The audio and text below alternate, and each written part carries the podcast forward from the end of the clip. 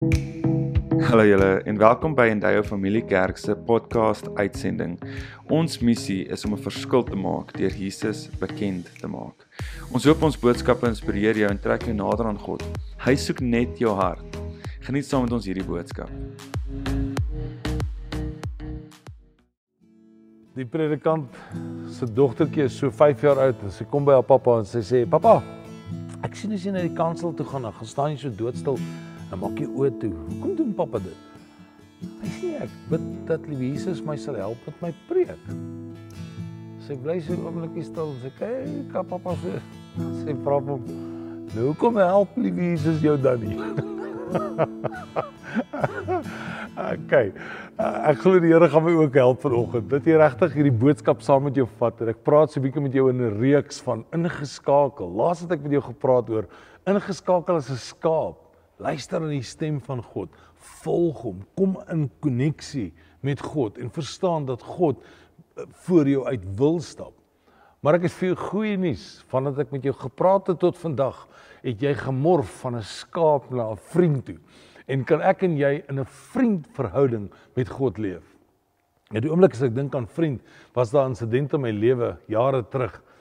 Uh in Port Elizabeth gaan bid ek vir 'n jong man wat in 'n gruisame motorongeluk was, Johan. En terwyl ek op my motorfiets op pad is, breek my motorfiets. En ek staan langs die pad en ek haal my foon uit en ek dink by myself, wie op aarde kan ek nou bel op hierdie foon? en ek voel stoksiel alleen. Ek onthou daai dag wat ek baie duidelik vir myself kon sê ek kan met God praat. Ek kon my vrou bel en ek het. Maar die antwoord was nie naby genoeg dat ek die vrymoedigheid gehad het om 'n vriend te kon bel nie. Want ek het baie vinnig in my lewe ontdek ek is eintlik 'n lone ranger. Ek gaan jou later meer vertel van daai storie.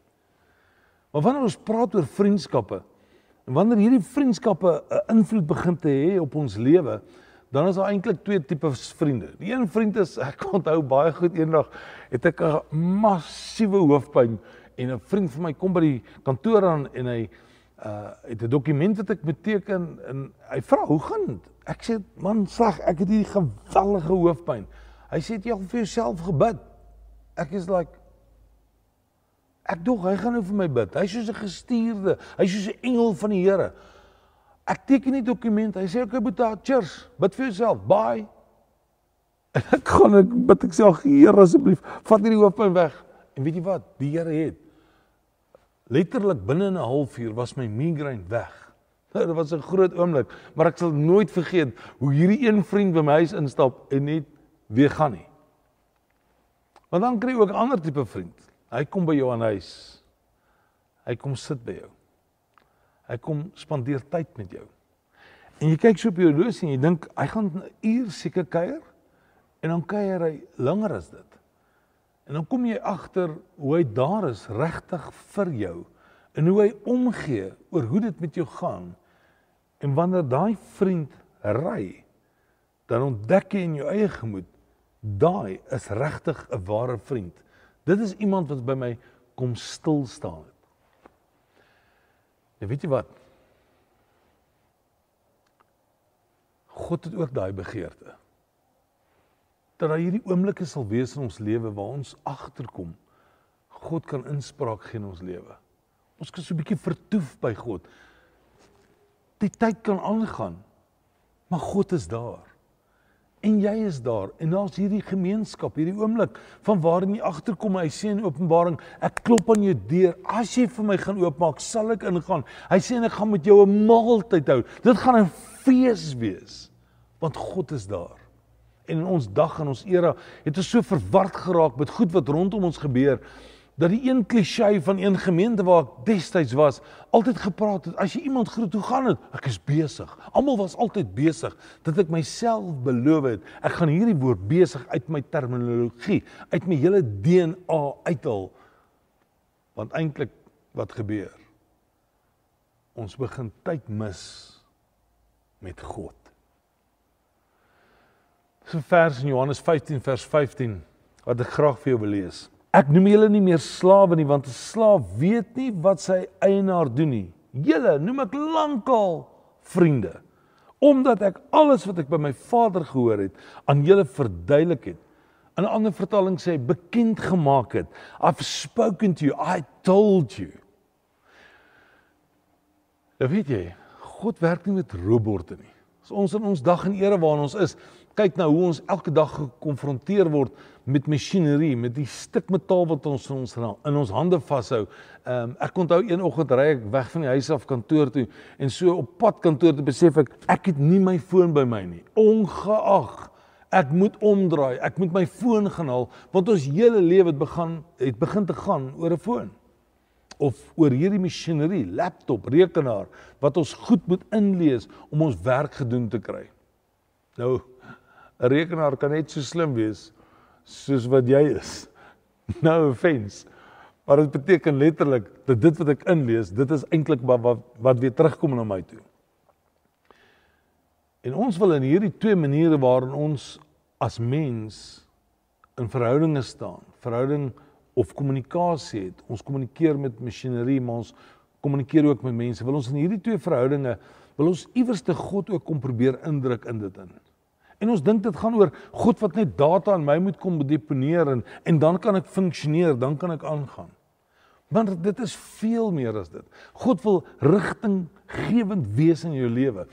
Van Deuteronomium af kom God en hy sê ek hou vir jou voor goed en sleg. Wat jy kies, wat jy daarmee maak, is wat jy daarmee maak. God het gekies, hy wil hê dit moet met jou goed gaan. Spreuke 3 vers 6 is regtig 'n uitstaan vers in my lewe. Hy sê ken hom in al jou weë. En dan sê en dan sal ek jou paai vir jou gelyk maak. Ons wil hê ons paai moet gelyk gemaak word. Ons ken nie God in al ons weë nie. Ons nie hy stil sit oomblikke wat kan gebeur dat God die inspraak kan hê op ons lewe nie. Nou as ek nie 'n robot is nie, Maar ek's 'n mens en God het hierdie behoefte met my te praat. Kan ek dit vir jou wys in die skrif uit uit Genesis die 18de hoofstuk vanaf vers 17 gaan lees dit tot vers 33. Dis die verhaal die die gebeurtenis toe God regtig ontstel was oor 'n hele stad wat hom nie wil dien nie. 'n Stad wat roekeloos was in hulle sonde, 'n stad wat ver weg geleef het van God af, Sodom.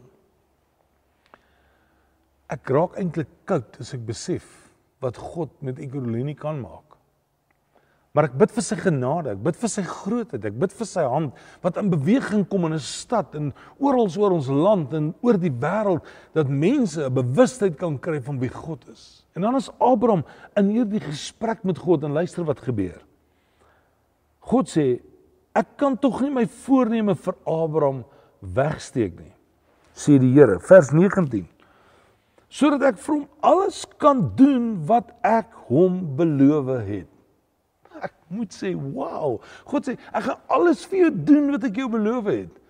Ons het in ons huiskerk hierdie afgelope week net so oefeningkie gehad oor van wat God alles sê. Wie is ons? Ons is 'n prins, 'n prinses. Ons is seuns en dogters. Ons is ons is in 'n koninkryk ingetrek. Ons is rein gewas, ons is duur gekoop. Ons is die kop en ons is nie die stert nie. Ek was so verras oor al die antwoorde wat uitkom. God kom en hy sê: "Abraham, Ek moet doen wat ek jou beloof het. Daar's goed wat God jou beloof het, wat God wil doen oor jou lewe. Maak dit vandag vas in jou lewe. Want hy's hy's jou vriend. Hy wil ingeskakel wees met jou.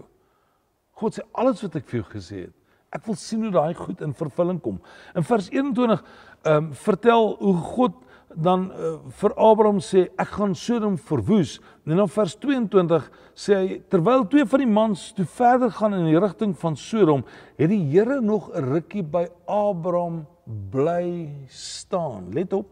God het by Abraham bly staan en dan Abraham vers 23 het nader gekom en gevra: "Sal u die onskuldige saam met die skuldiges uitroei?" Hier's twee elemente wat deurkom Daar's 'n tyd en 'n plek waar God wil stil staan by ons. Weet jy wat is die issue? Die issue is nie of God stil staan nie. Die issue is of ek en jy dit kan regkry om stil te staan. Want ons is so besig. Ons hardloop so vinnig vooruit met ons dag en met ons program en met ons met ons eie agenda dat wanneer God kom en hy wil bietjie by ons stil staan, then I'm no more. Ek het aanbeweeg. En ons so mooi uit Abraham se lewe uit die woord sê hy het nader gekom. Hy het ontdek Hier is God. God kom staan nader en en God kom staan stil by hom en en die woord sê Abraham het nader gekom en kan jy dink die intensiteit van daardie oomblik. Hier kon kom Abraham as 'n vader van die Ou Testament en hy praat met God en hy en hy pleit eintlik by God. Hy sê Vader, U kan tog nie 'n hele stad wil verwoes as gevolg van die onskuldiges wat daar wat van die skuldiges wat daar is nie. Hy vra wat van die onskuldiges? En dan maak hy hierdie stelling en hy sê moet die regter van die hele aarde dan nie doen wat reg is nie? Ek wil jy moet verstaan. Hier was so intense gesprek tussen God en Abraham dat Abraham die vrymoedigheid gehad het om vir God te kon sê wat in sy hart aangaan. Ek dink nie ons besef hoe naby ons aan God kan kom. En omdat Abraham hierdie intense verhouding met God gehad het, noem God hom 'n vriend. Ons sing daar een sang, I am a friend of God. He calls me friend. Die plek waarna toe God jou vanoggend trek, is dit jy regtig sou sê, ek gaan ontdek wat dit is om nader aan God te kan kom staan. Jy sien want God praat met mense. God se intensie was van die begin af in uit Genesis 1, Genesis 2, kan jy agterkom hoe God in gesprek begin te gaan het met die mens in die Ou en die Nuwe Testament is daar honderde voorbeelde van waar God gepraat het. Het sy deur sy inwonende gees wat in mense was, byvoorbeeld Caleb en Joshua, die woord sê, hulle het 'n veranderde gees gehad. Dit was die gees van God wat oor hulle geheers het. In die Nuwe Testament lees ons van die Heilige Gees, hoe die Heilige Gees inspraak gee in mense se lewens. Johannes 14 vers 17 sê vanaf gaan die Heilige Gees nie net by julle wees nie. Hy sal ook in julle wees. Dis die groot verskil van om regtig 'n belewenis te hê van dis nie net God wat eendag met my gepraat het of soos baie mense dit nou wil afmaak afmaak dat God net deur die Bybel kan praat nie. Luister, God praat deur die Bybel en die woord kom vorm 'n sirkel in ons lewe wat ons vanuit daardie sirkel besef, dis waarin ek my verhouding met God versterk. Maar dan is daar nog 'n sirkel, dis die Pinkster sirkel. Dis die sirkel van die Heilige Gees, waar die Heilige Gees in my lewe inkom en die Heilige Gees is besig om elke dag met my en jou te wil praat. Hy kom staan stil by ons. Dis tyd dat ons sal naderkom. En dan is daar die volgende sirkel, die kontemplatiewe sirkel. Dis waar ek stil raak, dis waar ek agterkom, selfs in die stilte is God. Is in hierdie stil plek waar ek God ontdek in sy volheid en waar hy met my wil praat. God praat met mense. God wil met jou ook praat. In Johannes 16 vers 12 en 13 Nuwe Lewende Vertaling sê dit ek het nog baie dinge om vir julle te sê. Maar julle kan dit nie nou verwerk nie wanneer hy ook al kom, dit is die Heilige Gees, die Gees van die waarheid, sal hy julle begelei in die volle waarheid. Hy sal nie uit homself praat nie, maar net sê wat hy hoor. Hy sal die dinge wat gaan kom aan julle meedeel. Jesus het gesê in die Engelse vertaling, I still have many things to say to you. The Holy Spirit will speak to you. I still have many things to say, but the Holy Spirit, he's the one that will speak to your hearts. Weet jy ons grootste probleem in vandag se tyd is nie dat God met ons wil praat nie. God wil. Ons grootste probleem is dat ons in ons kantore sit en besluite neem en aangaan met ons dag en aangaan met ons lewe sonder om God te kom intrek in ons besluite, in ons dagboek, in ons in ons huwelike en in ons kinders in. En die Heilige Gees wil daar wees om jou en my te kan leer en te kan lei in alle waarheid. Ons persepsie is dat ons die heeltyd God moet kan hoor in 'n hoorbare stem en as ons hom nie hoorbaar hoor nie, dan is God nie daar nie. Hy is daar. Hoe dink jy het God gepraat in die Ou Testament of selfs dan in die Nuwe Testament? As as Paulus die uitlating maak en sê ek en die Heilige Gees het besluit, is daar nie 'n skrifverwysing om te sê hier het die Heilige Gees gepraat in 'n hoorbare stem nie. Dit was 'n inherente 'n ervaring in sy hart en sy gemoed en sy gedagtes dat hy geweet het ek is in lyn met die Gees van God en daarom kon ek hierdie direktiewe besluit gemaak het in my lewe. Dis tyd dat ons meer sal sê ek wil weet die inspraak van God se gees op my lewe. As jy ingeskakel is as 'n vriend van God, dan kom jy agter hoe God regtig jou lewe beïnvloed. In Hebreërs 11 lees ons van die geloofshelde van die tyd en as ek dit lees en ek gaan lees dit gereeld want dan maak dit so 'n stuk geloof in my eie hart los. Dink jy dit was vir elkeen van hulle ervaring dat hulle 'n hoorbare stem God gehoor praat het? Daar's kere wat wat Noag die die ark moes bou. Hy het net geweet God het met hom gepraat. Daar's 'n keer waar waar Moses voor die brandende braambos staan en dan sê hy, "Is dit U wat met my praat?" Daar's 'n plek wat wat Gideon uitroep en hy sê, "Doen net nog een teken, dan sal ek weet dit is U wat met my praat." They didn't function out of fear, they function out of faith because they knew that God is busy talking to them. Ek wil jou vandag vra. Kom by 'n plek het waar jy glo dat God met jou as mens wil praat. Hoekom? Want ons is sy vriende. In Jakobus 2 vers 23 staan daar: Dit het dus presies gebeur soos in die skrif staan. Abraham het tot geloof in God gekom en God het hom vrygespreek. Hy is selfs vriend van God genoem. Toe ek in die vorige boodskap met jou gepraat het oor skaap, dis dit om te te hoor die stem van God. Hoe hoor ek die stem van God? Vandag is dit om te sê, hoekom wil ek hierdie stem hoor? Want die oomblik wanneer ek God se inspraak in my lewe kry, moet dit net met my en jou kan goed gaan.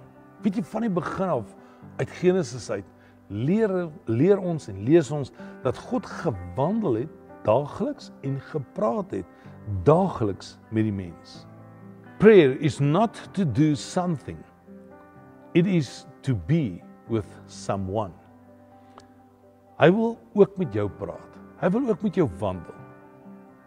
Hy wil elke dag met jou in hierdie koneksie wees ongeag van wie jy is, waar jy was, wat jy gedoen het, wat verkeerd gegaan het in jou lewe, dat jy dalk nie perfek is nie, kom roep God vandag na jou. En hy sê kom hier dat ek kan instap en saam met jou gemeenskap kan hou.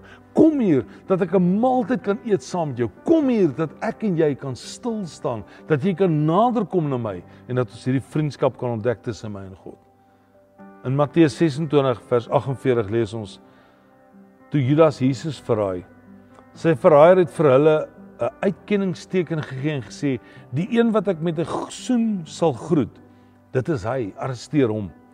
Hy het toe direk na Jesus toe gekom en gesê: "Gegroet, Rabbi." Toe seën groet hy hom. En Jesus het vir hom gesê: "Vriend, gaan voort met dit waarvoor jy gekom het." Die ander het toe nader gekom, Jesus gegryp hom en hom gearresteer. Johannes 15:13 sê: Niemand het 'n groter liefde as hierdie nie dat hy iemand sy lewe opoffer ter wille van sy vriende. Dat Jesus bereid was om sy lewe vir my en vir jou te gee ter wille van sy vriende. Ek is die afgelope tyd net so weer gekonfronteer met die vers uit Johannes 3:16 wat sê want so lief het God die wêreld gehad. As mense my WhatsApp en vra, bel, bid asseblief vir hierdie persoon ongeag of hy 'n kind van die Here is in ons kerk is of nie. Dis my voorreg om te kan bid vir mense want ek weet ons is vriende van God. Hieraan kan die wêreld weet dat hy ons liefgehad het, dat hy sy seun vir ons kom gee het. So die dag toe ek so langs die pad staan met my motorfiets en ek is moedeloos en ek het geen vriende nie. Ervaar ek sê die Here vir my oor 'n jaar van hier af wil ek sien hoe jy vriende in jou lewe ingebou het. 'n Jaar later letterlik 'n jaar op die maand later verloor iemand met 'n groot ongeluk my foon in die see en ek verloor al my kontakte. Ek het nie gebackup nie. En binne die volgende 48 uur maak my vyf beste vriende met my kontak. I kid you not. Maar dit was asof God my op my skouer kom tap en vir my gesê het, "Well done." Het iets geleer van om vriende naby aan jou toe te laat. Ek wil vandag vir jou vra, is nie tyd om God ook naby aan jou te kom toelaat. Is nie tyd om jy ook jou verhouding begin te verander met God en sê Here, ek wil U begin te ken op 'n diep nuwe manier.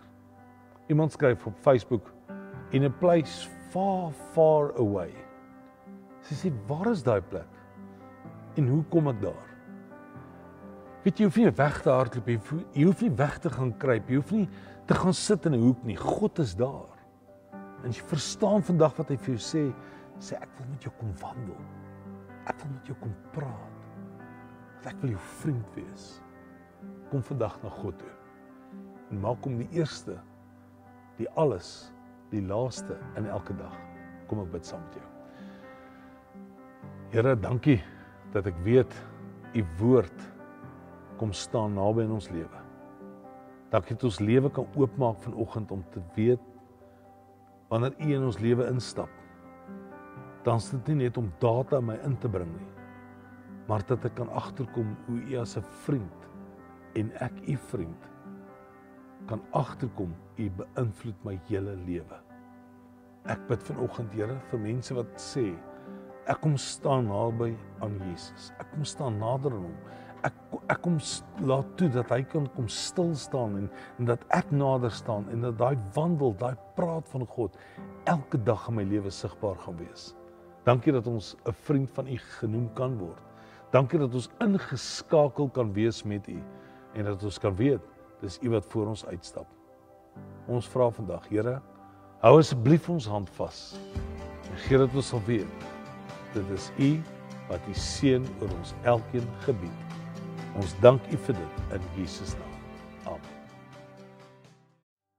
As jy ons het by die einde van ons diens gekom, asseblief help ons om hierdie boodskap te versprei vir soveel as moontlik mense. Jy kan dit doen deur te like en te share met al jou familie en vriende. Kom ons maak seker dat God se woord die uithoeke van die wêreld bereik. Kom ons ontvang die seën van die Here.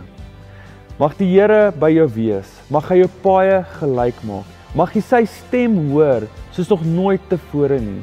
Mag jy elke liewe tree wat jy neem in jou lewe doen met jou, die Heilige Gees aan jou kant. En ons sê almal amen. Dan sê julle tot volgende keer, totsiens.